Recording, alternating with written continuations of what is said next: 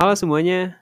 Jadi di sini adalah konten gabut sedih dan di sini gue bakal ngomongin, nyeritain atau ngebahas tentang topik-topik yang pernah gue alamin atau topik-topik lain yang mungkin menarik untuk dibahas.